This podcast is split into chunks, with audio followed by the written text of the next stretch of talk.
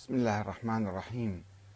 والحمد لله رب العالمين والصلاة والسلام على محمد وآله الطيبين الطاهرين. ثم السلام عليكم أيها الأخوة الكرام ورحمة الله وبركاته. ماذا بعد الانقلاب السعودي؟ هل يكفر الوهابيون بالفكر السياسي السني؟ متى يتعرفون على الحسين وعلى ثقافة العدل؟ والشورى والحرية.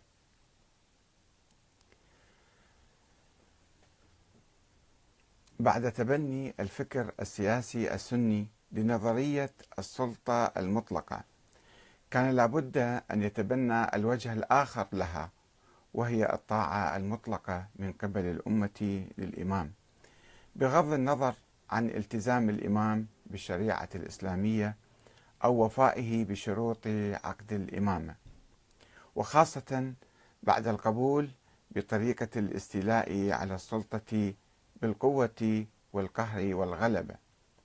وكان ذلك بناء على تفسير مطلق لآية الطاعة يا أيها الذين آمنوا أطيعوا الله وأطيعوا الرسول وأولي الأمر منكم. وشكل هذا الموقف السني انقلابا على الموقف الإسلامي الأول الرافض للطاعة المطلقة والقائل بجواز الثورة والخروج عند انحراف الحاكم. وجاء معتمدا على أحاديث ضعيفة تخالف العقل والقرآن والأحاديث الصحيحة الثابتة. ولذلك فقد تمسك بعض فقهاء أهل السنة بالموقف النسبي ورفضوا الطاعة المطلقة للحاكم الظالم الفاسق ولكن موقفهم تضاءل أمام التيار العام الذي دعا للاستسلام والطغاة. وقد بحثت هذا الموضوع بالتفصيل في هذا الكتاب. آه، تطور الفكر السياسي السني نحو خلافة ديمقراطية. الصادر قبل حوالي عشر سنوات وسوف أقتطف منه بعض الفقرات حول هذا الموضوع. تطور الفكر السياسي السني نحو خلافة ديمقراطية. هناك حركة طبعا بالفكر السني القديم والحديث ترفض الفكر التقليدي الفكر السياسي التقليدي الذي يتشبث به الوهابيون اليوم ويلتزمون به بدقة آه، وهذا هو سبب بلائهم وهو الذي مهد للانقلاب السعودي حتى على الوهابية وعلى كل الأعراف والتقاليد والقيم والمبادئ التي يؤمن بها آه، الوهابيون اليوم في السعودية. لقد تغير الموقف الإسلامي الأول الذي كان يلتزم به الصحابة والتابعون والسلف الأول مع تفشي الأحاديث الضعيفة أو الموضوعة التي تدعو إلى طاعة الإمام يعني الحاكم أو الأمير أو الملك بصورة مطلقة إلا في حالة كفر الإمام البواح. وهذه بعض الأحاديث. عن أبي هريرة عن رسول الله صلى الله عليه وآله وسلم أنه قال من خرج من الطاعة وفارق الجماعة فمات فميتته جاهلية. ومن خرج من أمتي يضرب برها أو برها وفاجرها لا يتحاشى من مؤمنها ولا يفي لذي عهدها فليس من أمتي. وعن أبي هريرة عن النبي صلى الله عليه وسلم أنه قال إن بني إسرائيل كانت تسوسهم الأنبياء وكلما هلك نبي خلفه نبي وأنه لا نبي بعدي وإنه سيكون خلفاء فتكثر. قالوا فما تأمرنا؟ قال فو يعني أوفوا. فو لهم ببيعة الأول الأول فالأول وأعطوهم حقهم الذي جعل الله لهم. الله جعل الحق للحكام والملوك. فإن الله سائلهم عما استرعاهم. أنتم بعد ما خصكم سلموا لهم واخضعوا واخنعوا. هذه الثقافة السائدة في السعودية اليوم. وعلى أساسها حدث الانقلاب السعودي.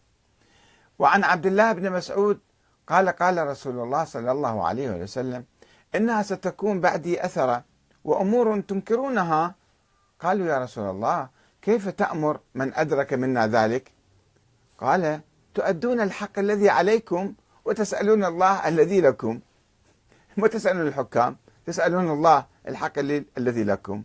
وتؤدون الحقوق أي حقوق للحكام على الناس؟ يعني فرضية أصلا خاطئة من أساسها.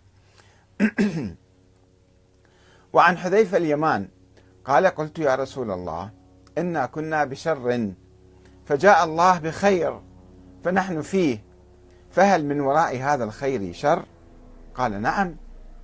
قلت من؟ قلت هل من وراء ذلك الشر خير؟ قال نعم. قلت هل من وراء ذلك الخير شر؟ قال نعم. قلت كيف؟ قال يكون بعدي أئمة يعني حكام لا يهتدون بهداي ولا يستنون بسنتي وسيكون فيهم رجال قلوبهم قلوب الشياطين في جثمان إنس. قلت كيف أصنع يا رسول الله؟ إن أدركت ذلك. قال تسمع وتطيع للأمير وإن ضرب ظهرك وأخذ مالك فاسمع وأطع. حتى لو كان بالمليارات. يوم بين عشية وضحاها يلقي بأصحاب المليارات في السجون ويأخذ كل أموالهم منهم. هذا يجب أن تسمع وتطيع. تعطيه خلص ما تتكلم ولا بشيء.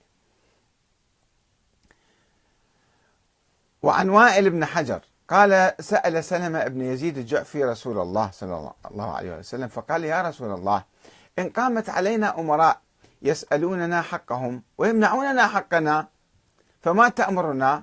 فأعرض عنه. ثم سأله فأعرض عنه. ثم سأله في الثانية أو الثالثة فقال اسمعوا وأطيعوا فإنما عليهم ما حملوا وعليكم ما حملتم. لاحظوا هذه الثقافة المخدرة؟ وقد روى الكثير من هذه الأحاديث البخاري ومسلم وأحمد بن حنبل والترمذي وابن ماجه وأبو داود وبناء عليها قال الإمام أحمد بوجوب السمع والطاعة لأمير المؤمنين البر والفاجر ومن ولي الخلافة. واجتمع عليه الناس ورضوا به